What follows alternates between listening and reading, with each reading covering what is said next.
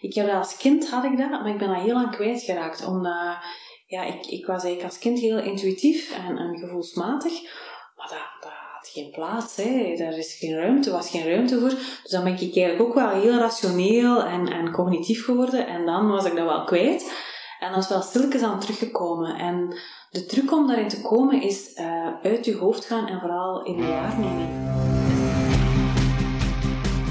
Welkom bij de Tim Tom Podcast. Ik ben Timothy. En ik ben Tom. Samen zijn wij jouw GPS naar geluk en succes. Dag lieve luisteraars, Timothy hier. Voor je begint te luisteren naar deze aflevering, graag neem je aandacht. Tom en ik hebben namelijk iets tofs voor je. Ben jij, net als wij, gek op persoonlijke ontwikkeling en wil je de beste versie van jezelf worden? Dan heb ik goed nieuws. Speciaal voor jou hebben we onze beste leestips en onze mooiste inzichten samengevat in een handig e-book. Surf snel naar www.timtompodcast.com om jouw gratis PDF te downloaden.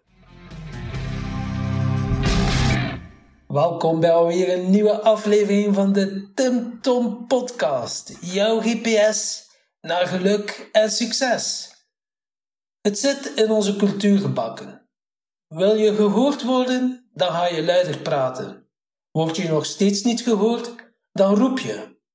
Het lijkt een reflex, toch is het aangeleerd. Roepen heeft een effect, een schrikeffect. Het werkt enkel op korte termijn. Vandaag in route 49 hebben we stemfluisteraar Katrien van Gijstelen van Sparkling Voice te gast. Katrien trok na haar studie sociaal werk en communicatiewetenschappen naar Lichtenberg in Duitsland om haar grote droom om zangeres te worden te verwezenlijken. Toch liep het anders. In haar zangpraktijk Sparkle Voice ontdekte ze dat werken aan de stem niet enkel de klank, maar ook de mens raakt. Je stem vertelt wie je bent, zet de toon en bepaalt de sfeer in je communicatie. Dat werd meer en meer duidelijk. Je stem is voor mij de luidspreker van je ziel, van je persoonlijkheid, zegt Katrien. Ik hoor heel veel mensen waarbij hun stem onder druk staat. Maar als je alle registers opentrekt en je laat horen wat je in je mars hebt en je kunt je volle potentieel laten horen, dat doet iets met mensen. Dat bewust worden van die stem. Het moment dat hun stem zich echt laat horen zoals die klinkt, dat zie ik altijd in mensen hun ogen. En dat is een magisch moment. Daarmee heeft ze de mooiste job ter wereld, vindt ze. Veel luisterplezier in deze inspirerende podcast. Dag Katrien. Hey. Welkom bij ons in de podcast. Dankjewel voor de uitnodiging. Er zit hier een, uh, ja, een, sprankelende dame voor ons. Uh, en naar ik mij vert laten vertellen heb, uh, komt dat ook terug in jouw, jouw levensvisie. Uh, en in jouw levenswerk, Sparkling Voice. Ja. Kun je daar wat meer over uitleggen? Fijn dat je dat mijn levenswerk noemt. zo, als ik, tenminste, ik heb wat, wat achtergrondopzoeken gedaan, zo komt dat over voor mij. Ja. Dat is ook mooi, dat is ook mooi. Dus, dat is de eerste keer dat ik dat terugkrijg, dus dat vind ik wel leuk om te horen. Het is, uh, het is inderdaad mijn, mijn missie om de wereld te vullen met mooie stemmen.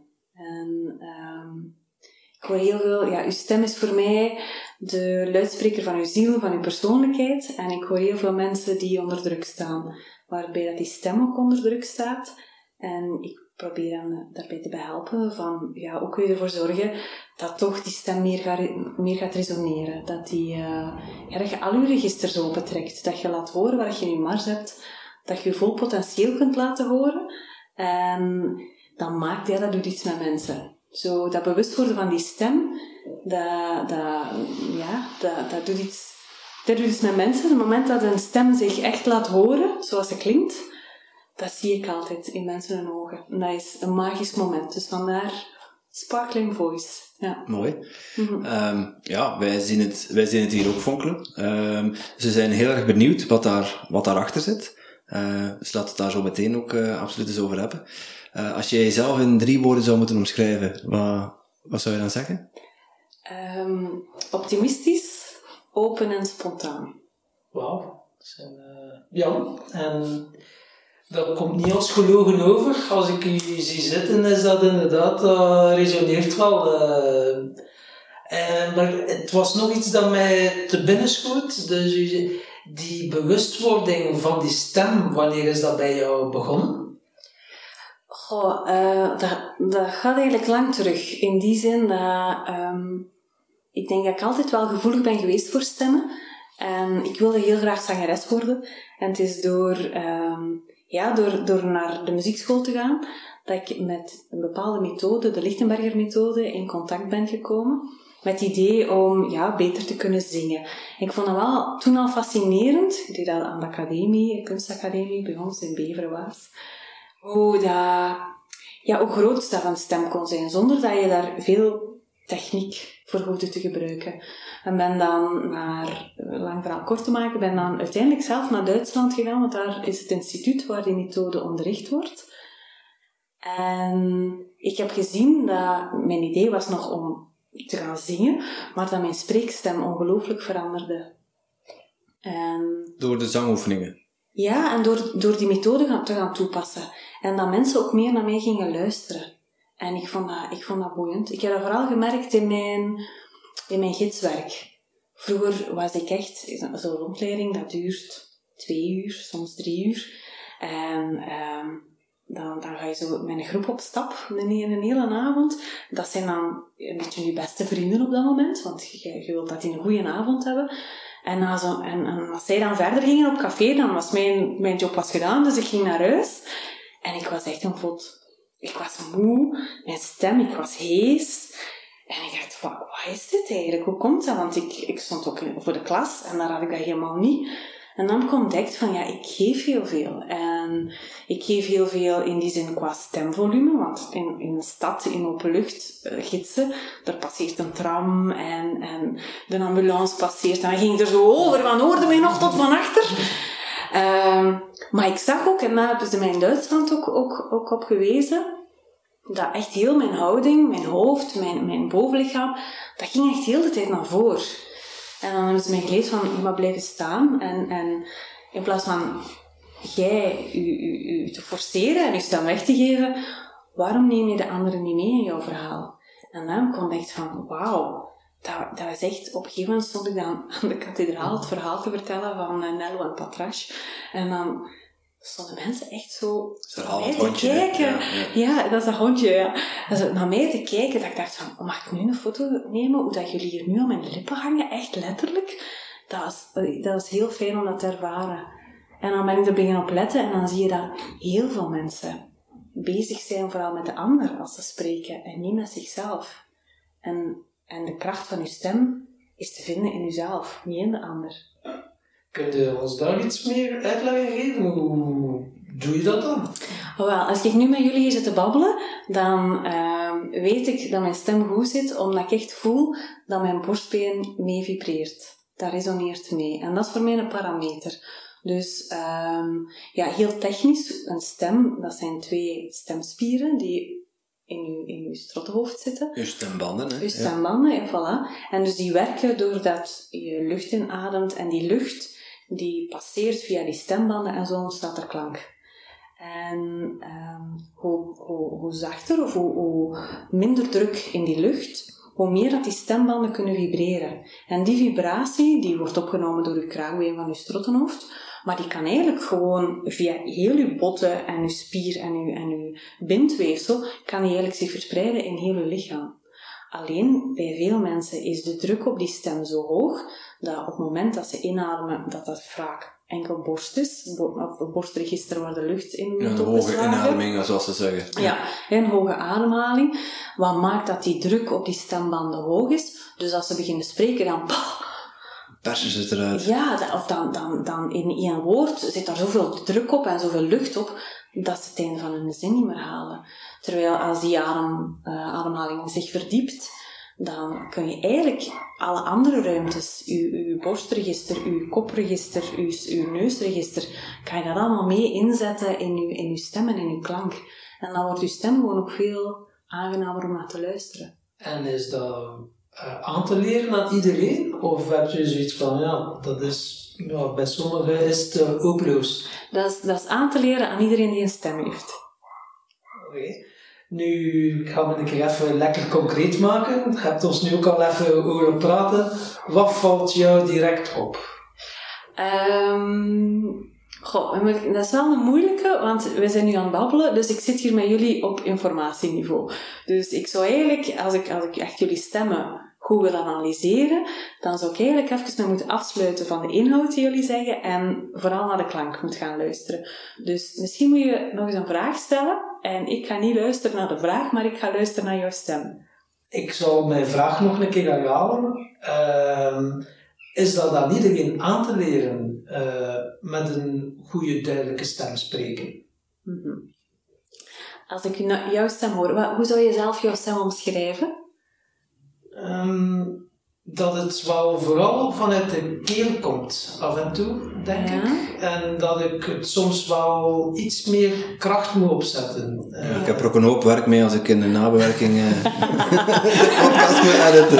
Oh, nee, oh, ik ben hier eens even kijken. Dat is een grapje. Nee, dat, dat, dat, is inderdaad. Ik hoor wel wat druk op jouw stem, waardoor dat, uh, je zegt keel, maar ik hoor, ik hoor ook heel veel mond en vooral ik hoor heel veel gehemelte bij jou. Um, wat jou zou kunnen helpen, heel concreet, om, om meer resonantie te, te, krijgen in je stem, is vooral ja, dat borstregister meer aanspreken. Je zou bijvoorbeeld je hand op je borstspring kunnen leggen en jouw vraag nog eens herhalen, maar de klinkers iets langer te maken.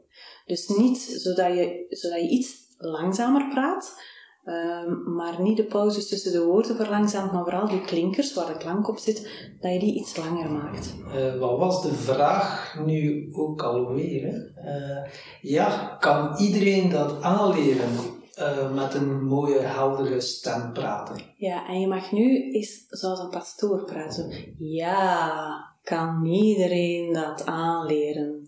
Ja, kan iedereen dat aanleren? Ja, en dan meer. Ja, kan iedereen dat aanleren? Ja, nog eens. Ja, kan iedereen dat aanleren? Voel je je borstbeen trillen? Ja. Voel je dat meer trillen? Ja. Nu voel ik bij ja, bij ja voel ik echt wel, voel ik zo, niet dat mijn hand zo maar ik voel het echt wel trillen. Ja, voilà, dat is het inderdaad. Dus hoe meer dat dat gaat trillen, hoe meer dat je eigenlijk um, de druk van jouw stem gaat verminderen en hoe meer dat die klank inderdaad in dat borstregister kan, kan resoneren, waardoor dat jij ook veel rustiger zal overkomen. Oké, dus eigenlijk een oefeningetje voor mij is als ik alleen ben, praten vooral met, het, uh, met de hand hier op het borstbeen. Ja, weet je wat een goede oefening voor jou zou zijn? Dat is mijn lievelingsoefening. Zwijgen. Ja. dat is ook een goeie. Maar de, ik, ik, ik herken het probleem. Ik had vroeger ook zat mijn stem veel meer in mijn mond en, en, en in, mijn, in mijn neusmasker, waardoor dat, dat wat scherper klonk af en toe. En de oefening die mij goed geholpen heeft om meer naar dat borstregister te komen, is loeien als een koe. Wow. Ja, en nu zie je, en jij gaat omhoog. Dus ik zie jouw hoofd omhoog gaan. Het is naar beneden. Mm. Het helpt om eerst je lippen op elkaar te houden. Mm. Ja, en dan veel laten zakken. Mm. Dat Hoor klinkt, dat? Ja, dat klinkt als eentje die bij ons vader in de stal staat. Ik trekken.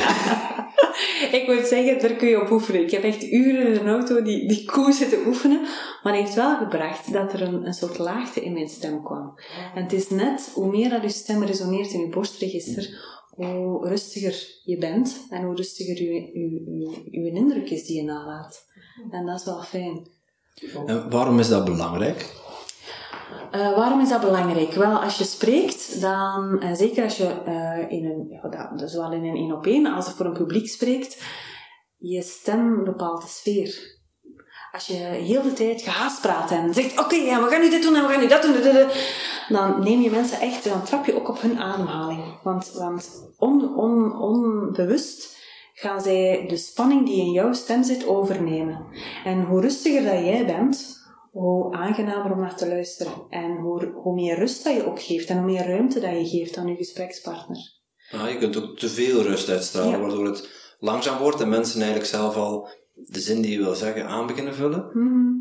waardoor het ook zijn kracht en zijn boodschap verliest. Dus hoe hou je dan enthousiasme in je stem, Ja. terwijl je toch luid en duidelijk eh, ja, communiceert? Ja, er zijn ongelooflijk veel trucjes voor. Je kan daarin spelen met volume, je kan daarin spelen met pauzes laten en af en toe wel eens eh, uit te halen. Maar je kan ook bijvoorbeeld ja, in, je, in andere registers aanspreken, bijvoorbeeld in je neusregister. Hoe meer dat je daar qua volume, eh, qua, qua resonantie zit, hoe duidelijker dat je zal klinken. Dus daarom ga je niet in slaap vallen.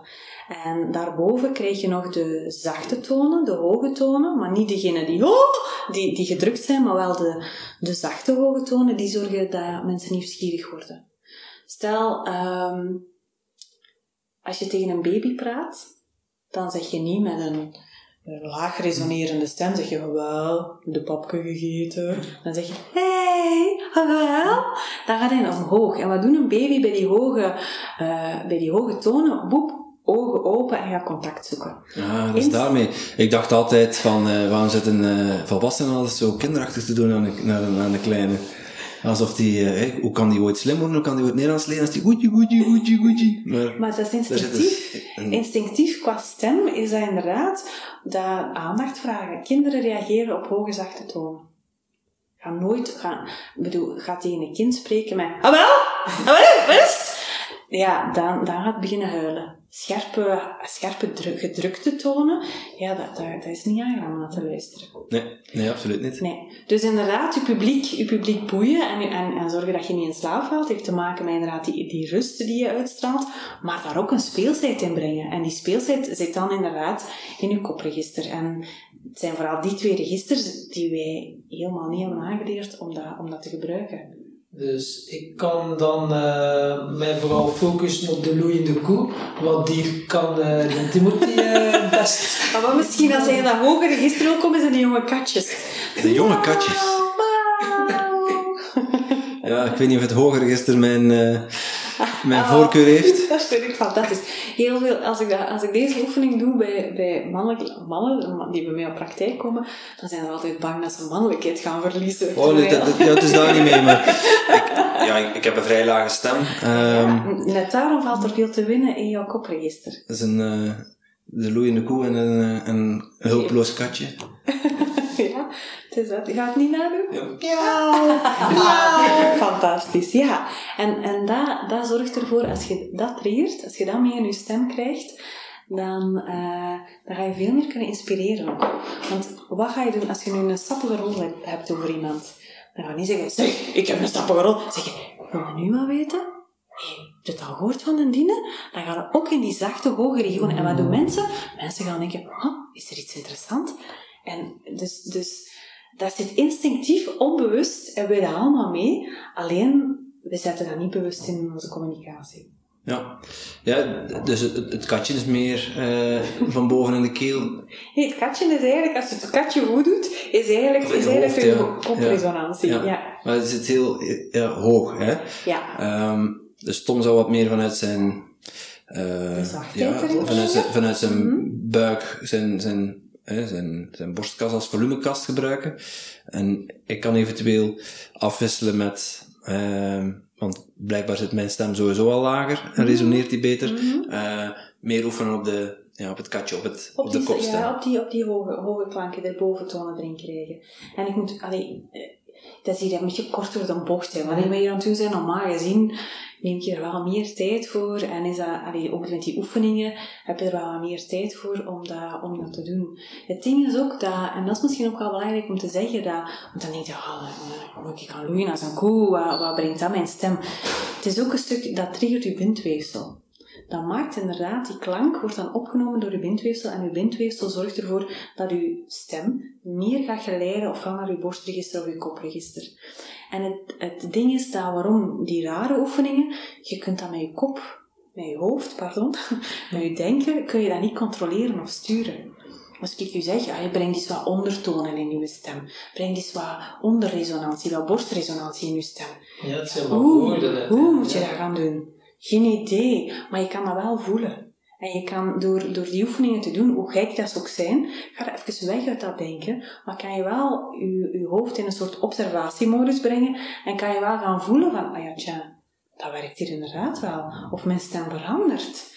en dat is wel fijn, dat je eigenlijk de, de manier waarop ik met stemmen werk, is heel ervaringsgericht. En als je dan echt wel verandering wilt uh, doen met je stem, is dat dan een vijfjarenplan? Of, uh...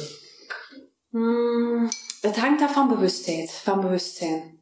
Uh, je kan in principe, als je, als sommige, sommige mensen komen bij mij en horen echt van, oh wauw, oh maar ik kan ook zo klinken. En die gaan ermee aan de slag en dat verandert, in, dat verandert meteen.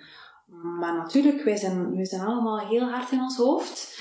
En om dat bewust heel de tijd daaraan te denken, dat is niet altijd evident. Dus bij sommigen duurt dat wel langer. Vijf jaren denk ik niet. Ik denk dat je in een aantal weken je stem al kan, kan veranderen. Oké. Okay. Oefenen, oefenen, oefenen. Dat is eigenlijk enkel uh, ja, oefenen, elke dag oefenen. Ja, oefenen en bewustzijn. En Want je kan, bedoel, het is niet het is niet van, ah ja, ik kan nu vijf keer een, een koe nadoen. Ah ja, mijn stem is nu anders. Nee, het is elke keer je oefeningen doen, maar elke keer als je, als je spreekt, daarover nadenken van, ah ja, wacht, ik wil zo klinken. Ja, het, toepassen uiteindelijk en het ook durven, want in het begin gaan mensen wel raar kijken naar jou. Ja, dan dan zou je zo gaan zeggen van, hé, dat ben ik normaal ja, ik ga je zeggen, uh, in, ik ben dat in het begin gaan, gaan toepassen zelf in mijn gidswerk.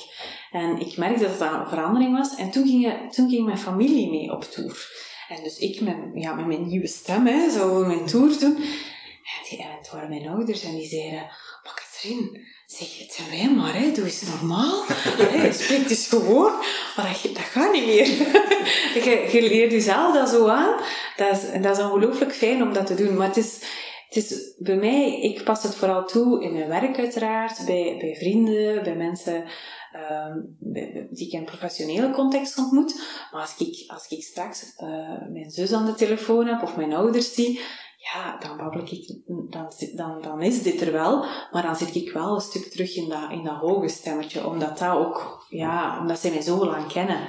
Dat is veel moeilijker om dat, uh, om dat, om dat aan te passen. Ja, ja en uh, ze, oefenen is, uh, is één ding, maar uh, als de gras begint te eten bij zijn ontbijt, dan uh, ga ik me toch zorgen maken. Ja, zeggen. Dat moet je met melken, Ja. ja, je, had het net over je, over je rondleidingen die jij geeft, want jij geeft een stad in, in Antwerpen, geef jij stadsrondleidingen. Mm -hmm. um, en je, je gaf aan in het begin, ja, dat kostte je energie. Je gaf eigenlijk alles weg, waardoor je helemaal leeg, zo leeg als een vod thuis kwam. Um, dat haakt eigenlijk wel heel mooi aan op de, de vraag van onze vorige gast. Want die vroeg zich af, uh, ja, waar krijg je energie van en wat kost jouw energie? Hmm. Um, er zijn heel veel dingen die mij energie geven. Um, dat zijn soms kleine dingen. Dat kan soms een, een, een goede koffie zijn. Zo een echt goede koffie. Vind ik, geeft me wel energie. Wat ik de laatste tijd heb ontdekt, is dat buiten zijn ik ben echt iemand die heel graag buiten is. En ik had dat vroeger in de stad, maar mijn wandelingen liggen nu stil. Ik heb sinds, sinds de lockdown de velden terug herontdekt. Ja, ik, ik, ja dat, is, dat is ongelooflijk. Zo gaan wandelen, buiten zijn, dat geeft mij heel veel energie. Wat kost mij energie? Hmm, wat kost mij energie? Dingen die ik niet zo fijn vind om te doen. Ja, zo de, de, de ja, moet ik concreet? Ja, ik ben nu aan het denken, ik ben aan het denken mijn administratie van mijn, van mijn, van mijn onderneming. Maar op zich, dat kost mij energie, uh, de aanzet. Eens dat ik eraan bezig ben, vind ik dat wel weer fijn. Of zo mijn huis poetsen, dan denk ik, ah ja, ik doe dat niet graag. Maar eens dat ik dan aan het poetsen ben, vind ik dat wel leuk. Dus eigenlijk kost mij dat niet, niet veel energie. Misschien kost mij dat meer energie het uitstellen. Ja.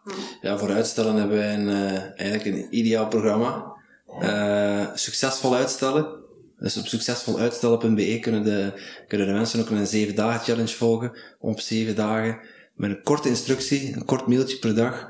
Uh, een paar minuutjes, twee, drie minuutjes. Eigenlijk op een week tijd al te leren om succesvol uit te stellen. Zodat je ja, meer energie overhoudt op de, uiteindelijk. Voilà, ik ben jullie, ik ben jullie geknipte persoon en nou, wat denk je dat dat ligt, uh, dat uitstel? Aan wat ligt dat? Dat is een goede vraag. Um, ja, ik, ik, ik, ben, ik ben heel graag bezig met de inhoud van, van wat ik doe. En als ik bijvoorbeeld een, een leuk filmpje kan maken of een blog kan schrijven, dan zal ik dat veel liever doen dan die administratie. Dus dan, als ik, elk excuus is dan goed om er toch niet aan te starten. Ja, ja. Ehm, ja, ik, ik, ben misschien, ik, ik ben nu even aan het terugdenken, ik ben altijd wel wat een uitsteller geweest. Ken je, ik weet niet hoe oud dat jullie zijn, maar Belgian Essentiality, die hadden vroeger 33, een heerlijk ja. nummer. Morgen. Dat is voor mijn tijd, denk ik. Ja, voilà, bij u is dat voor uw tijd. Maar Ja, van de periode van eh, helaas. ik had met Marjolein moeten doen. Het gaat, zo, het gaat zo, ik doe het morgen, dat ik het morgen zal doen. Ja, ik ken Morgen, het wel, Ja, ja, voilà, dat was mijn lijflied. Als puber was dat echt mijn lijflied. Ik, ik, eh, ik stelde alles uit. Omdat er altijd wel iets beters was om te doen of iets leukers was om te doen. Dus uiteindelijk ging je dan vooral de dingen doen die jouw energie gaven. Mhm, Uiteindelijk. Waarschijnlijk, ja. En de dagdagelijkse... Het is nu echt wel heel grappig dat je dat zegt. We hadden nu over laatst zo'n enneagram eh, kun je zo typen. En kwam eruit als nummer 7, enthousiaste, visionair.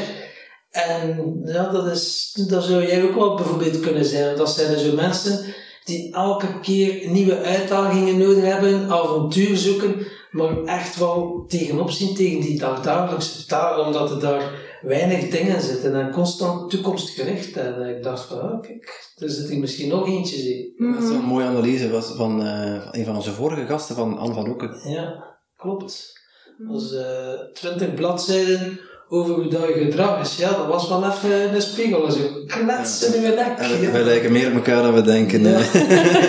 was weer nummer 7. Ah, ja. Ja, het stond wel niet in dat ik moest loeien als een koe. Dat, dat, dat, dat Stond er iets in überhaupt over je stem? Nee, nee het, is, het, is, het is een test over hoe dat je je gedraagt in bepaalde situaties natuurlijk. Ehm, om je uiteindelijk in een hokje te, stu- te zetten en te zeggen van ja, niemand past in een hokje. Eh, maar het geeft wel, het is, het is wel herkenbaar, hè, zo'n eh, zo'n zelfonderzoek. Ja, Het geeft dus, wel aanknopingspunten voor ja, uw valkuilen en uw, eh, ja, uw goede en, en, eh, en minder goede competenties. Ja, leer jezelf kennen uiteindelijk. En eh, hoe heb jij jezelf leren kennen? Is dat ook door eh, allerlei testjes te doen of te reflecteren of in de persoonlijke ontwikkelingsboeken te snuisten of seminars? Of... Hoe heb ik mezelf leren kennen? Eh, Door, door te doen, denk ik. Door eh, heel veel met mensen te spreken. Absoluut niet door testjes. Ik, ik ben ge- absoluut geen testjes, madame. Ja. Ehm, ik herinner mij nog ooit dat ik een sollicitatie deed. En ik moest daar een, eh, een psychologische test doen. En ik kwam daaruit als 100% extravert. En dus de man, een of andere manager, die ging mij aan de hand van die test eens zeggen wie ik was. Dat vond ik niet zo fijn. ik, heb, ik heb mooi bedankt voor de job. Maar het was niet zo fijn omdat het confronterend en herkenbaar was, of Nee, tegenovergestelde? Nee, omdat, nee, omdat, ik- omdat ik dacht van, ja, maar op basis van die test, eh, jij kent mij helemaal niet. Je hebt nog nooit met mij gesproken. Ik bedoel, oké, ik ben extravert, maar er is ook een introverte kant aan mij. Dus dat hij niet uit die test komt. En dus ik ging in discussie met hem daarover. En hij zei, nee, nee, nee, nee. Die test zegt dat je 100% extravert bent. Dus je bent 100% extravert. En toen dacht ik, nee, dat is niet voor mij. Dus ik, ik leer vooral, ik heb vooral mezelf leren kennen door, eh, door, veel, ja, door veel met mensen te spreken. Dat sowieso. Eh, ik heb ook wel wat reizen gedaan. Ik heb ook heel veel alleen gereisd. Ik volg ook wel regelmatig eh, een retreat of een opleiding. Ik vind dat boeiend om zo, ja, uzelf, uzelf te ontwikkelen, maar uzelf ook altijd beter en beter te leren kennen. En wie zijn dan zo jouw grootste inspiratiebronnen dat je dacht van wauw, dat eh, was wel, eh, die heeft wel impact op mij gemaakt? Goh, ehm, ik denk, maar dat gaat nu, ik weet niet of dat goed gaat klinken, hè, maar de grootste inspiratiebron ben je altijd zelf. Want mensen kunnen dingen aanreiken, maar het is wel jij die er iets mee doet. En, en ehm, sta je ervoor open, ja of nee? En dat denk ik. Waar, waar ik meest, waar ik heel veel uit haal, is, ik volg, ik volg nu bijvoorbeeld een opleiding in Nederland bij ehm, David de Kok en Anjan Vergeer, 365 dagen succesvol. Daar haal ik wel uit, maar er is nooit niets nieuws onder de zon. Ik bedoel, ik heb net een boek gelezen van Rebecca Campbell, uh, Light is a New Black. Dat vond ik ook fantastisch. Dus het is, zo, het is zo niet dat ik denk van, ah ja, dat zijn nu de personen en ik kan die nu heel mijn leven blijven volgen. Maar zo, ik vind, ik vind het leuk om te snuffelen en ja, overal wat mee te pikken. En die 365 dagen succesvol, maar dat gaat dan over relaties met je... Nee, is dat niet... Uh... Wel, zij hebben, een, zij hebben een jaarprogramma en daar gaat het over uh, gezondheid, relaties, werk en geld. Dat zijn eigenlijk de thema's waar ze rond werken. En hun, hun missie is het uh, van Nederland het gelukkigste land ter wereld maken hoop dat ze dat ooit van België ook gaan doen. of dat er iemand dat ooit gaat doen. Om dat ook in België... Ja, jullie? kunnen al beginnen met de podcast ja, luisteren. Ja, ja, Een mooie uitdaging. Voilà. Ja. Ja, het is dat. Het is Challenge dat. accepted. Ja, in plaats van David en Arjan, Timothy en Tom. Ja, voilà. Dus uh, Bij deze, zeg je... eh, de uitdaging eh, aanvaard. ja, voilà. We Dus zijn dat- al onderweg. hè. Heel goed, heel goed. Dus ja, inspiratie overal. En ik, ik denk ook inspiratie of, of getriggerd worden groeit ook. In eh 2012 ben ik, eh, ben ik eh, eigenlijk out of the blue vertrokken naar een yoga retreat in Bali. En eh, ik ben redelijk spontaan, dus ik had niet helemaal goed gelezen waarover dat, dat ging. Ik had vooral geïnterpreteerd dat yoga, dat we veel yoga zouden doen. En dat bleek toch wel een iets anders retreat te zijn. Het ging, we hadden wel elke dag yoga, maar, maar één uurtje. Maar het was vooral een heel persoonlijk ontwikkelingstraject. En eh, heel, voor mij toen, aan het begin nog van, van mijn persoonlijke ontwikkeling, heel experimenteel. Ik heb daar tien dagen gezeten. Ik heb eh, tien dagen gedacht, dit kan ik nooit vertellen thuis, wat ik hier aan het doen ben. De eerste dag, om je een voorbeeld te geven, de eerste dag was het thema aarde. En moesten we ons op het eh, strand gaan, eh, gaan ingraven. Ons helemaal toedekken, tot, tot ons, enkel ons hoofd eruit was. En dan kregen we een wierookstokje op onze buik. En dan moesten we dat, dat moest opbranden en wij moesten dat mediteren. Ik had nog nooit gemediteerd. Dus ik herinner me dat ik daar in dat stand lag. En ik zag iedereen van mijn groep zo, ja, echt wel heel ontspannen zijn. En ik dacht de hele tijd, oh, dat kriebelt hier in dat stand. Dus, eh, dus ehm, en als ik, daar, als, ik, als ik zo nu terugkijk op dat retreat, ik vond dat toen, dacht ik, oh my god, ik zit hier tussen gekken. Ben ik hier terechtgekomen? En als ik nu erop terugkijk, dat is echt nog een van mijn mooiste ervaringen, ook in persoonlijke ontwikkeling. Om daar is ook voor mij wel heel veel open gegaan.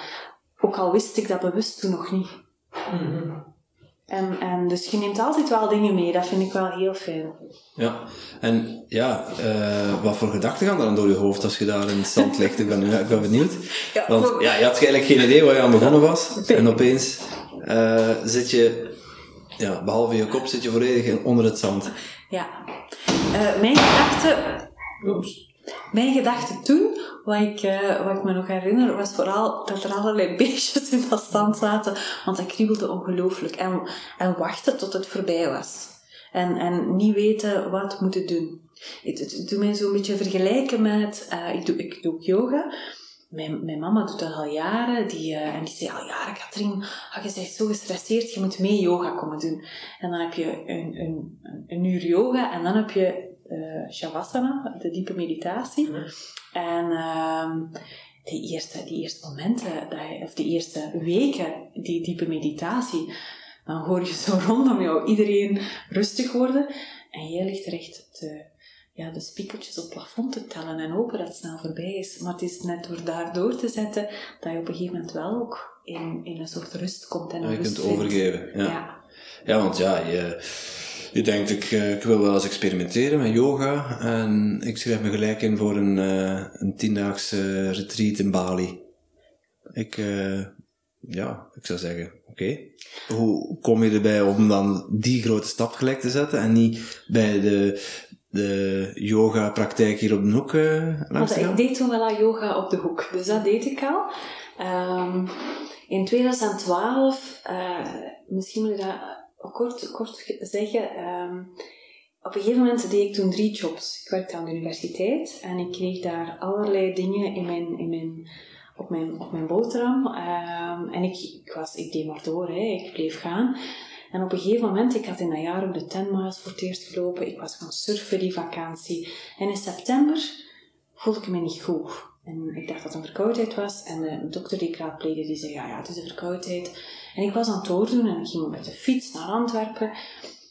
En dat beterde niet. En, en op een gegeven moment reed ik met een auto, reed naar huis en ik reed de tunnel door. En ik begon plots heel hard te huilen. En ik wist niet wat mij overkwam. Ik wist niet waar, waar, waar komen die tranen vandaan. Ik was niet verdrietig, ik, maar ik moest wel keihard huilen. Toen ben ik naar een andere dokter gegaan en dan, die zei van, van ja, dat is hier, dat is hier een longontsteking. Wat is dat hier? Het is echt niet goed. Dan heb ik twee weken thuis gezeten. En in die twee weken, dat was voor mij, heeft mijn ogen zo geopend. Uh, omdat ik was zo sportief en ik, ik, was, ik was heel actief bezig en plots kon ik geen 100 meter meer stappen. Omdat mijn ademhaling echt zo slecht was. En het is in die momenten dat ik gedacht heb, oké, oh wacht eens, er is meer dan werken alleen. Ik wil, ik wil een aantal dingen terug opnemen. En ik ben beginnen lezen. Ik heb Eat, Pray, Love gelezen van Elizabeth Gilbert over Bali. En dus op een gegeven moment dacht ik, ja, ik wil naar Bali. Heel spontaan, maar beslist. En dan valt ook alles en alles viel ook in de plooi, weet je, zo. Ik had een kei goedkoop vliegticket kunnen boeken. Er was nog een retreat waar ik, naar, waar ik gewoon twee weken later kon instappen. En ja, ik geloof wel dat als de dingen vlot gaan, dat, is ook, dat, is ook, dat ook goed zit. Dus daar heb ik gewoon beslist. Ik heb dat gedaan en dat, is, dat was fantastisch. Ja, dat klopt wel. Bali is wel een zalige energie. Ik ben er ook wel geweest, maar niet voor uh, zo'n retreat, maar er werd wel rondgetrokken, maar ja, gewoon al die uh, sfeer dat er aan en die energie. Je kunt dat moeilijk uitleggen aan mensen als je er niet bent geweest. Hè. Dat, uh, je wordt echt zo ondergedompeld. Uh, ja, ze kunnen dan ook wel de plekjes op, niet toeristisch, en dan heb je echt wel zo die connectie met die authentieke mensen. Dat is zelf uiteindelijk, mm. klopt wel. Ja. En Bali zeg je, en ja, je houdt van avontuur. Uh, waar ben je dan nog zo al geweest, zodat je plots beslist, ah, nu ga ik een keer naar Australië of uh, nu ga ik een keer naar daar? Nee. Uh, naar Nieuw-Zeeland. het meeste is beter voorbereid. Het meeste is beter voorbereid. Uh, maar ik kan bijvoorbeeld wel, ik kan bijvoorbeeld, ik, ik, ik, ik denk iets of ik, als ik, als ik goesting heb, ik, ja, ik doe wel heel veel dingen. Ik pak heel vaak mijn auto en ik rijd naar de zee als ik naar de zee wil. Nu dat we toch in België moeten blijven. Um, of naar Duitsland, ja. Soms plan ik gewoon de opleiding is in Duitsland, maar soms plan ik gewoon, denk ik van, oké, okay, ik wil daar nu naartoe. En dan, dan doe ik dat wel gewoon. En dan op je eentje gewoon? Uh... Ja. Ik, oh, ik vind, ik vind, uh, ik vind alleen reizen wel heel leuk. En vooral alleen autorijden. Zo lange ritten op de baan. En dan goede muziek op. Ik vind, nee, nee, dat is een basisfout, hè. Uh, een goede podcast ja, vanaf nu, vanaf nu, sorry. Ja, ik ben niet perfect, man. nee, nee, ik, ik, ja, ça va. Dus, maar jij ziet er altijd inderdaad wel zo happy de peppy uit. En uh, dan denk ik soms, uh, ja, hoe ga jij bijvoorbeeld om met tegenslagen? Ik ben niet altijd happy de peppy. Ja, nee, dat absoluut niet. Um, omgaan met tegenslagen, is, er, is, dan trek ik mij even terug. En dan, dan, dan, uh, ja, en dan echt terugtrekken, zo, dan moet ik even niemand niet meer horen en dan goed voor mezelf zorgen. En dat gaat meestal wel snel over. Ah ja, het is niet dat je dan zegt van uh, ik ga je een keer bij een maand terugtrekken. Nee, nee, nee, nee, nee. Nee, nee. ik, ik, uh, ja, ik, ik ben wel redelijk optimistisch. En ik heb dat denk ik meegekregen ook van thuis. Ik merk dat ook bij, bij, bij mijn ouders en bij mijn zus.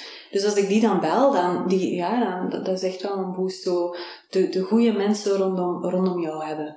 Dat vind, ik, dat vind ik wel belangrijk. Ja, nu zeker in de periode waar we nu in zitten, kunnen wel heel veel mensen een goede boost gebruiken voor optimistisch te zijn. Ja. Hoe blijf jij optimistisch met uh, al die coronacijfers? Uh, maatregelen? Uh... Ja, um, hoe, blijf ik daar, hoe blijf ik daar optimistisch onder? Ik geloof, ik heb wel een groot vertrouwen dat altijd alles goed komt. Dat wel. Ik moet ook zeggen, in het begin, in de eerste lockdown, had ik zo wat schrik. Want dan dacht ik, hoe, wat gaat er hier gebeuren? Maar het ergste wat kan gebeuren, is dat je doodgaat. Ja. En dat is eigenlijk niet zo erg. Ja, voor sommigen is het dat mensen in een nabije omgeving doodgaan. Mm -hmm. Dat gevoel nog erger. En dan zij daar verantwoordelijk voor zijn. Ik weet niet of dat nog, nog Ja. meespeelt, maar ja, ik, ik, ik, ik kan je wel volgen in het gevoel, ehm, het gevoel van vertrouwen dat alles goed komt. Ja, dat geeft toch houvast. Mhm. Ja, ja, en dat maakt niet uit dat dat, dat, dat af en toe niet wankelt, hè. Zo dat, dat je toch ook niet denkt van, oh oh. ehm.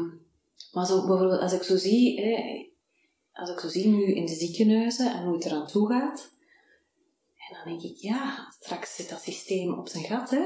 Dan, dan, dan, Ja, voor die Ja. mensen gaat het niet zo goed, hè. Nee, nee, absoluut niet. En ook de mensen in de zorg. Maar dan, dan geloof ik ook echt wel van, ja, maar dat moeten wij doen, hè. Dan, dat bedoel, dan, dan ga ik mee omscholen, hè. En dan word ik verpleegster. En als dat het is wat, wat, we, wat we nodig hebben nu, dan doen we dat gewoon. Ik heb, ik heb mij net gisteren ook geregistreerd als crisisvrijwilliger. Ik heb mijn weekenden vrij nu, sinds, sinds de achterklaptours on hold staan. Ik wil gerust eh, een halve dag in het weekend boterhammen gaan smeren in een ziekenhuis of in een woonzorgcentrum. Als dat daardoor de druk op de mensen in de zorg vermindert en dat we daardoor onszelf en onze samenleving kunnen redden, dan vind ik dat, dan vind ik dat niet meer normaal, dan normaal om dat te doen. En het geeft ook betekenis aan mijn leven. Het, het, het zorgen voor anderen zorgt ook dat je jezelf ook beter voelt. Dat je iets betekent. En vind jij dan ze het goed aanpakken? Eh, Zo bijvoorbeeld de media, die, ja, die berichtgeving. Ik vind het nogal vrij. Het is daarom dat ik geen nieuws of niks meer lees. Ik gewoon, eh, en dat houdt mij optimistisch. Niet dat ik, niet dat ik het niet wil weten. Eh, ik, heb wel iemand die mij één keer in de week drie minuten het nieuws geeft, maar enkel de dingen die echt belangrijk zijn. En, maar er wordt zoveel angst gecreëerd. En iemand die zo optimistisch is als jij, kan me dan toch wel voorstellen dat het dan zoiets zegt. Kom gast, ja, of, of doe toch een keer normaal, schrijf toch een keer wat andere dingen ook en focus een keer wat meer op eh, hoe kun je je immuniteit versterken en zo. Mhm, Absoluut, helemaal mee eens. Ja, ik denk dat, dat op zich, het is chaos. En het is crisis.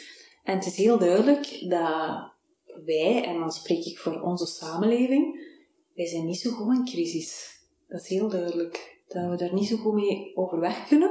Maar dat we ook zo, ook naar communicatie toe, ik denk dat, dat heel veel eh, kwetsbaarheden in ons, in ons samenleven worden blootgelegd nu. En ik hoop dat we daaruit leren. Dat is het positieve dan weer van mij, dat ik denk, ah, ik hoop dat, we, dat hier liggen ook ongelooflijke kansen voor ons om als mensen te groeien, als mensheid te groeien, maar ook als samenleving, om hier conclusies uit te trekken dat, ja, waar, dat, waar dat ons economisch model en ons samenlevingsmodel de laatste jaren heel hard op ons individu heeft gefocust en gezegd, ah, maar jij bent dit en jij kunt dat en jij, we hebben elkaar wel nodig. En, en, en door samen, we, we leven wel samen, dus we kunnen niet zeggen ik dit en jij dat. En we moeten altijd door dezelfde deur. Ja. Ja, maar aan de andere kant is het ook wel weer zo dat een betere wereld begint bij jezelf. Mhm. Mhm. Ehm, want als je, ja, als je niet goed voor jezelf zorgt, dan kun je ook niet goed voor, voor een ander zorgen. Nee. Ehm, dus ja, daar ligt ook wel een, een belangrijke rol voor jezelf. En eh, wat ik merk is dat ja, deze tijd er ook voor zorgt dat je meer me-time overhoudt. Je zit minder in de auto, je hoeft voor het werk niet meer zoveel verplaatsingen te doen. Eh, privé ligt ook alles stil, dus ja, je bent meer op jezelf aangewezen. En ja, wat ga je doen met je tijd? Ga je piekeren of ga je eh, ja, kijken waar de kansen en opportuniteiten liggen? En we hebben eh, de vorige lockdown hebben wij van geprofiteerd om ja, onze groei-GPS in elkaar te zetten. Zo'n online, een online training. Ehm, ja, ook nagedacht over de structuur, over wat, wat, wat wordt de boodschap die we gaan brengen. Eh, ook weer hetzelfde. Hè. Wij zijn ook gefascineerd door groei. Dus eh, dat, ja, dat heeft ons geïnspireerd om, om er iets moois van te maken. Ehm, hoe, hoe, heb jij, eh, hoe vul jij die, ja, die leegte in? Of laat je ze leeg? Ik, ik denk wat je zegt inderdaad, het begint bij jezelf. En, en je kan niet verantwoordelijk zijn voor wat een ander doet. Je kan alleen inderdaad zelf het goede voorbeeld geven, denk ik. Wat betreft die, eh, die, die ruimte die is vrijgekomen, is, ik, ja, ik had in het begin van de lockdown had ik echt het idee, omdat eh, mijn, mijn, mijn stemcoaching richtte zich toen voornamelijk naar ondernemers en professionals. toen dacht ik, man, dit, hier zouden veel meer mensen mee gebaat kunnen zijn. Ademhalingsoefeningen, angst, zit daar ook een stuk aan gelinkt. Dus ik heb, uh, ik heb een online programma samengesteld. Om echt mijn, mijn bereik te vergroten, dat te doen. Dus in die zin op die manier mijn steentje bijdragen. Um, de me-time. Hoe vul ik de me-time in? Ja, ik, ik ben veel buiten. Ik, ik, ik werk hard, maar ik, ik ben ook veel buiten. En ik kan ook genieten van goed voor mezelf te zorgen. Zo, ja, in de zomer was dat, mensen, mensen gingen aperitieven. Ik deed dat ook. Hè. Ik ging ook echt een goed flesje wijn halen en wat goede kazen. En ik zat ook op mijn terras. En dan denk ik, ah, lucky me, hè. zie me hier zitten. Ik, ik, kan, ik kan dit. Ik kan dit. Er zijn heel veel mensen die dit niet kunnen. Ik kan ook buiten. Ik heb een terras. Dat op zich is ook, is ook al fantastisch. Dus zodat Goed zorgen voor jezelf. En dat zit in, dat zit in hele kleine dingen. Dat, zit, dat, dat, dat, dat kan een wandeling maken zijn en, en een vogel die fluit, of dat kan uh, schoon bloemetje zien. Er is zoveel gratis voorhanden. En, mm en daar bewust van zijn en daar bewust mee omgaan, ja, dat, dat, zo, zo doe ik dat. Ja, dat is een mooie benadering. Mm. Ehm, ik, ik, hoorde jou, ik hoorde jou net zeggen van, uh, dat je in Bali voor de eerste keer hebt gemediteerd. Um, daarna gebruikte je een moeilijke term voor een specifieke vorm van meditatie. Dat betekent dat je al helemaal ondergedompeld was in de, in de jargon. Uh, vermoedelijk. Maar je hebt daar... Je, je, je, sorry? Ja? ja? ik denk zelfs dat het niet juist is. Vipassana, denk ik. Dat je nee, nee, Savasana is uh, op het einde van de yogales krijg je inderdaad zo Savasana. Hè? Is dat niet yoga nidra? Yoga Nidra is ben... zo de, wat de, inderdaad de slaapyoga. Hè? Ah ja, oké. Okay. Dat, dat, klopt. Ah, ja, dus heb ik toch... Uh, ik, toch ik was net aan het denken, hoe ik was verkeerd. dus ik ben helemaal niet zo... niet, dus... niet zo in thuis, maar pas je, pas je het wel nog toe? Ben je bezig met meditatie? Of, ja. In je ja. huidige leven? Ja, ja absoluut. Ik probeer, uh, ik probeer um, oh, s ochtends en s avonds probeer ik uh, te mediteren, ademhalingsoefeningen te doen ja, bewust te zijn. En dan, uh, als je dat zegt, uh, s ochtends, s avonds, dan heb je ook een soort van ochtendritueel dat je iets. Ik probeer een ochtendritueel te hebben. Oké, okay, Ja, uh, dat, ik had in, in de lockdown had ik een, een ochtendritueel dat, dat in de opleiding in Nederland was, was was geïntroduceerd en dat heb ik heel lang volgehouden. Dat was wel heel fijn. Dat was echt zo de eerste stap, gewoon je dekbed van je, van je lijf gooien. Dan een aantal ademhalingsoefeningen, een dankbaarheidsoefening. Uh, uw intentie voor de dag zetten, een minuutje bewegen, een koude douche nemen, uh, twee glazen water drinken en een smoothie maken. Ik heb dat lang volgehouden, maar nu ben ik afgegleden. Ah, en nu ben ik ochtends 15 minuutjes yoga aan het doen. En met hetzelfde resultaat. Gevoel ja. je even goed. Maar het gevoel dat je, je bent 15 minuten wakker en je hebt al iets gedaan. Dat is wel, dat is wel heel fijn. Ja, in tegenstelling tot misschien 15 minuten snoezen. Ja. Waar ik mezelf wel eens schuldig aan maak. Ja, ik ook vroeger en nu niet, en nu niet meer. Het is ook leuk om dat nu te doen, nu dat winteruur in is gegaan. Want je zei eigenlijk nog altijd wel goed wakker, s ochtends. Ook al is het nog donker buiten. Ja, ja, dat klopt. Ben nu ook, denk, nu zit ik aan mijn dertigste dag om vijf uur opstaan. Ja, elke dag vijf uur. Dan wat inspirerend lezen, ademhalingsoefeningen, de Wim Hof methode doe ik dan uh, vooral. En ook het mediteren en uh, ja, ja, zelfzorg uiteindelijk ook. En dan uh, aan de groei-GPS werken, de, de inhoud. En dan is het 11 uur en dan heb je zoiets van, wauw, wat ik hier al allemaal gedaan en je voelde je supergoed. Hè? En dan ja, een cliënt begeleiden en ja, zo genieten echt wel ook van uw dag. Ja. En dat is echt wel in een moment. Hm. Ik had het nooit gedacht hoor, want uh, dat, ik was ook zo in de snoezer, gelijk met een kopij. maar uh, is, uh, heeft mij nu wijsgemaakt, of niet wijsgemaakt, tegen zijn vriendin gezegd, hij gaat vanaf november elke dag één minuut vroeger opstaan. Ja. Mijn doel is een half uurtje eerder opstaan. En uh, ja, door niet meer te snoezen kan dat wel heel makkelijk. Um, maar laten we het eens laagdrempelig uh, aanpakken. En iedere dag, hè, november heeft 30 dagen. Dus tegen dat deze podcast live is, dan stak ik een half uur vroeger op. Hè. Fantastisch. Uh -huh. We gaan zien wat dat brengt. Ja, ja, ja.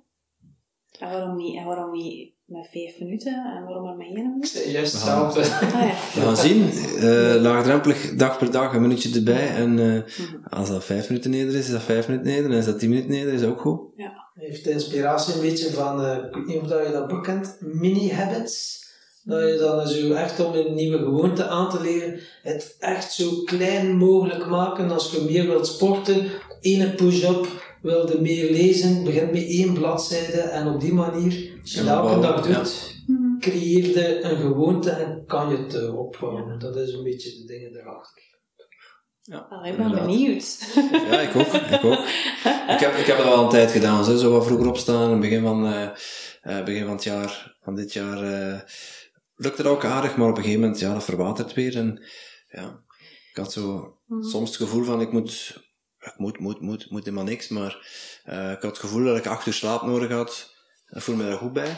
Ehm, maar ja, dan begint je, je slaapuur wat te wisselen. En dan staat ook je opstaanpatroon. En dan, ja, voor je het weet, ziet je ochtend er weer helemaal anders uit.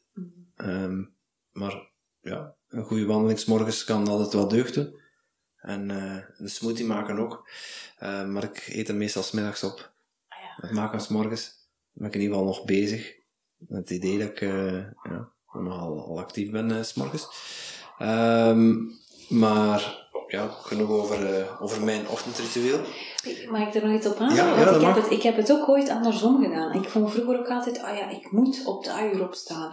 En ik was echt altijd nog moe en ik snoesde. En toen zei er iemand tegen mij, maar als je nog moe bent en je moet eigenlijk niet uit je bed, want je eerste afspraak is pas drie uur later. Ja, waarom sta je niet een uur later op? En dan ben ik, heb ik lange tijd een uur later opgestaan en dat was zalig. Ja, Dus kan het ook kan hè. Soms, soms, we, soms leggen we de druk ook zo, zo hoog op onszelf. Dat we, oh ja, ik moet. Want iedereen die, die succesvol is, die staat al vijf uur op. Ja, als dat niet werkt voor je, werkt dat niet, hè, denk ik dan. Nee, dat is zo. En ik, ik merk dat 7,5, 8 uur slaap, dat is voor mij perfect. En ehm, dan heb ik 's morgens nog altijd ruim tijd genoeg om dingen te doen die ik wil doen. Ehm, ja, maar zo even eh, de dag beginnen met een momentje rust. En duidelijk de dag visualiseren. Eh, dat heeft mij in het verleden toch veel geholpen. En eh, ik zat onlangs in een, in, in een online call. Dat was een van de vragen van, ehm, ja, wat deed je vroeger? wat goed voor je was, maar doe je nu te weinig? En dit was daar een van de dingen van. Ik dacht, ja, daar ligt dus voor mij de 1% groei weer om dat op te pakken. Dus ja, we gaan zien. De Miracle Morning, ik weet niet of je die kent. Eh, die heb ik ook eh, lange tijd toegepast. Al bepaalde elementen ervan. Op een gegeven moment heb je je eigen systeem. Eh, dat geeft ook wel een goede houvast. Of, ja, zoals jij zegt, van de 365 dagen. Dat is een heel rigide structuur. Maar voor sommige mensen kan dat ook helpen. Het is vooral belangrijk dat je denkt van, wat winst zit erin voor mij? En ik besef, oké, vijf uur opstaan, dat betekent voor mij meer energie, meer focus, meer discipline, niet meer snoezen. En gewoon, ja, productiever. En dan heb ik zoiets van, wauw, ik heb ook nog zo, het is niet dat, eh dat in de weg loopt, yes, eh, in de eerste seconde, dan denk ik, ah, en op den duur zijde u wel uzelf aan het trainen van, ah, maar dat levert me allemaal op. En door dan ja, een workout even te doen, drie minuten en hey, twee glazen water drinken, eh, ja, dan echt wel heel snel ben je al in een, een bepaalde staat, tanden poetsen, maar op één been en met je andere hand. Dat is dan ook zoiets, eh, dat staat er gelijk een flamingo in mijn badkamer, maar zo, dat zijn dus allemaal Ja, van en die die witte strepen zijn daar, die komen ook ergens vandaan. Hè? Nu weten we Dat is een beetje tapas. Ja, ik sta er niet als een koe, maar als een flamingo daar. En eh, ja, zo zijn wel allemaal leuke dingetjes gelezen of gehoord iets. En je past dat dan toe. En dan denk je van, wow, weet, dat is wel eh, leuk. Zijn er bij u zo eh, speciale gewoontes dat je zo doet? Goh, niet echt, denk ik. Nee. Ik sta niet als een flamingo in mijn tanden te poetsen. Het is toch geen enthousiaste visionair, Tom. ik, ik ben geen zeven. Ehm gewoontes. Ja, eh, niet, niet echt, denk ik. Oh ja, zo, zo ja, buiten dan, dan op, opstaan en dan 15 minuutjes yoga. Ik heb, wel, ik heb wel een avondritueel, dat wel. Dus ik probeer echt zo mijn avondritueel. Ik probeer echt wel mijn dag goed af te ronden en op, en op, op eenzelfde uur ook te gaan slapen. Dat vind ik ook wel belangrijk. En dan zo nog wat te lezen in mijn bed. Ja, dat is, ook, dat is het geheim ook achter de 5am club van Tom. Dat is niet om 5 uur opstaan, dat is om 9 of om 10 uur in je bed kruipen. Ja, ja, ik doe toch wel, eh, ik zorg er wel voor om toch mijn 7 uur slaap te hebben. Ja, dat is wel eh, belangrijk. Dus niet dat ik daar eh, vijf uur, dat ik het, eh, nee, het is een nieuwe manier van leven, hè, dat je op een manier integreert. Nou, gezien dat ik toch al x aantal jaren gestopt ben met alcohol drinken en zo de feestjes en tot drie, vier s'nachts uh, ga feesten, en dat is toch ook al een tijdje achter de rug. Zo. Ja, en ik denk zo, naar gewoontes is dat ook wel belangrijk. Naar slaapritueel is uw alcoholverbruik, uw, uw voeding, algemeen. Daar ben ik ook wel mee bezig, om zo Mhm. Da- daarop te letten. En, en Er zijn zo bepaalde dingen die je laat vlak voor je gaat slapen, bijvoorbeeld schermen of eh je gsm. Eh, nee. Nee, ik kan, ik, ja, wel, ze zei ik wel zeggen, ik, ik neem wel niks mee in mijn, in mijn slaapkamer. Dus eh, vroeger zou ik mijn gsm meenemen nog. Ik laat alles eh, in de living liggen, alles gaat ook op, op vliegtuigmodus. Dus dat wel, dat er ook geen straling is. Ehm, Dat is ook en wel een mooie tip hè, voor de mensen nu hun telefoon eh, na 9 uur bijvoorbeeld gewoon op vliegtuigmodus, dat je echt wel niet meer kunt gestoord worden. Ja, dat is wel. En, en, en ik drink ook nog een tasje thee s'avonds. Ja, Ah, Ja, trouwens, een heel lekkere thee. want we hebben een eh, zakje van, bij jou eh, gekregen. Throat, wat was? Throat? Throat comfort. Ja, Throat Comfort. Is Yogi tea. Wat is de, de boodschap die bij u op, de, op het labeltje staat dan? Dat is wel Eh, leuk hè? Wat donker. Appreciate yourself and honor your soul. Oké. Mooie boodschap. Ik geloof dat die boodschapjes dat die nooit toevallig zijn. Dat die boodschapjes u kiezen. Was dat er bij u op? Develop the power of listening. Ah, Mooi zo. dat je Wijze aan raad. Dat Ja. een mooie raad, zie. Ja. Ik zou zeggen, wat staat er bij u op? Maar ja, ik drink gemberthee en op mijn gember staat er Nee, Precies, even zoals ik doe. En blijft hangen. Zoals bij koffie. Ehm, ons, het rest ons nog, eh, nog eigenlijk om ja, even bij u te polsen. Hoe dat jij aankijkt tegen de definities geluk en succes. Dus eh, vertel ons, Katrien, wat is voor jou de definitie van geluk en wat is voor jou de definitie van succes? Ik denk dat dat voor iedereen heel individueel is. En voor mij zit ehm, geluk is kleine succesjes vieren. Het zit in de kleine dingen. En het gaat over mindset. En het gaat over blij zijn met wat je hebt. En hoe meer je ja zegt tegen wat er is, hoe meer dat, dat kan groeien. En daarmee heb ik ik alle twee de vragen in één klap Ja, beantwoord. er is precies toch al een beetje over nagedacht. Nee, toch niet? Ja, dat is wel eh, heel mooi. Ja, compact. En eh, su- succes is dan voor jou die, eh, die momentjes pakken als ze zich voordoen? Mhm. Of, of kun, je daar, kun je daar wat over uitleggen?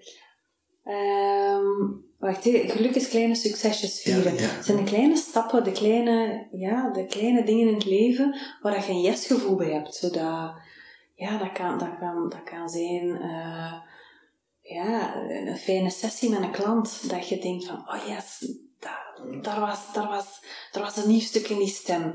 Of dat kan een compliment zijn. Of dat kan eh, een, een filmpje zijn waar iemand een like op geeft. Maar dat kan ook gewoon in, ja, je koffie die, die lekker smaakt. Eh, eh, 's morgens nu, tegenwoordig, ik drink elke morgen mijn koffie en ben super blij dat ik hem en nog proef en nog ruik dat koffie is. Dan Ik denk denk dat je geen COVID-19 hebt ook. ja, voilà. Dan denk ik, yes. Dus zo stomme dingen, maar daar gewoon, daar gewoon oké mee zijn en, en niets voor granted nemen. Niets, niets is evident. En heeft dat altijd al in jou gezeten, zo met die kleine dingen gelukkig zijn? Ik heb dat echt wel moeten leren. Ik zocht wel altijd die kicks op en het kon nooit niet groot eh, genoeg zijn. En vertragen en echt leren genieten van die kleine dingen. En ik merk, af en toe lukt het, maar ik merk, eh, ja, ik moet mijzelf af en toe nog een keer bewust maken. Kom, kijk nu een keer en geniet. En eh, ja, dat is wel... eh heb je daar tips voor, voor eh, mensen? Voor ons en voor mij? Ja, ja wel, ik, ehm, om op eerste vraag te antwoorden, heb ik dat altijd gehad. Ik heb dat als kind had ik dat, maar ik ben dat heel lang kwijtgeraakt. Omdat ja, ik, ik was eigenlijk als kind heel intuïtief en, en gevoelsmatig. Maar dat, dat had geen plaats. Hè. Daar is geen ruimte, was geen ruimte voor. Dus dan ben ik eigenlijk ook wel heel rationeel en, en cognitief geworden. En dan was ik dat wel kwijt. En dat is wel stilletjes aan teruggekomen. En de truc om daarin te komen is uh, uit je hoofd gaan en vooral in je waarneming gaan. Zien, horen, ruiken, voelen. De zintuigen. De zintuigen, ja. Zo geen oordeel hebben, gewoon verwonderd zijn. En, en ja, de dingen pakken zoals ze komen. Dat zijn uh, mooie, wijze lessen. Ja. Um, als, uh, als slot willen we jou de, ja, aan jou de eer om een vraag te stellen aan de volgende gast. We weten nog niet wanneer het, wanneer het plaats gaat vinden en met wie het zal zijn. Maar uh, we zijn wel benieuwd wat jij de vragen hebt. Ja, de vraag die ik zou stellen is: hoe klinkt geluk? Of hoe klinkt succes voor jou? Is het geluid. Of vrij ja, interpreteren. Vrij interpreteren. Ik ben het al voor mezelf heel al aan het doen. Ja. We gaan dan onze volgende gast overlaten. Ja, ja het is dat. Hoe klinkt geluk voor jou? Ja. En mensen dan nu, onze luisteraars, die nu geïnspireerd zijn uh, door jou, die zeggen, eigenlijk mijn stem, er is nog werk aan de winkel, hoe kunnen ze bij jou terecht? Be begeleid jij iedereen of is het enkel op een bepaalde doelgroep gericht? Um, op dit moment begeleid ik iedereen. Mijn focus ligt wel nog altijd op ondernemers en, en ondernemende professionals. Maar door het online programma dat ik nu in corona uh, heb ontwikkeld, kan eigenlijk iedereen bij mij terecht. Iedereen die um, heeft om met zijn stem of haar stem aan de slag te gaan en die er ook voor open staat om te leren. Want dat is ook niet iedereen staat daar open voor. Uh, ik zou zeggen, neem eens een kijkje op mijn website, sparklingvoice.be. Daar staan al heel veel videofilmpjes en blogteksten uh, op inspiratie. Dus uh, en stuur mij een mailtje als je interesse hebt. Ja, wij, zijn, wij houden ook wel van een beetje spontaniteit, dus kom spontane vragen mee op. Het is misschien leuk om een van onze luisteraars blij te maken met een, een korting of, of misschien met een online traject. Ja, dat kan. Dat we, dat, we ben aan het denken we zullen dit, dus, hoe, ja, hoe, doe je dat dan? We, zullen dit, de, sorry, we zullen de details uh, uh, op onze website plaatsen. timtompodcast.com slash uh, sparkle, sparkle. We zullen er sparkle van maken. Ja. En uh, ja, daar kunnen ze dan meer details over ja, wat jij, wat jij aanbiedt mm -hmm. terugvinden. Ja. En dan kunnen we even nadenken wat, wat dat voor jou zou kunnen zijn. Ja, dat is fijn. Dat is fijn. Tof. Ja, Super. Leuk. Merci. Dan, uh, ja, dan, tot slot, uh, ja, heb jij nog een, een uitsmijter of een laatste wijsheid? Of is er iets waar we het nog niet over gehad hebben, waar je wel nog graag kwijt wil? Uh, ik denk dat we heel veel dingen gezegd hebben. Ik ben blij dat ik, dat ik, ik denk niet dat ik, dat ik in mijn spontaniteit dingen gezegd heb waar ik later spijt van zal hebben. Ik heb dat ooit wel gehad ooit op nationale radio op 1 september primetime gezegd dat de vakantie te lang duurde. Dus uh, dat heb ik nu niet gedaan, dus ben ik wel blij om. Ik zou zeggen, het is tijd om het licht aan te steken. Ja. dat is een dubbelzinnige en een mooie. dat gaan we doen. Dankjewel, Katrien. Dan rest ons niets anders om jou van harte te bedanken voor deze toch wel heel uh, spraakmakende podcast. Super, dank jullie wel. Ik vond, uh, vond het heel leuk.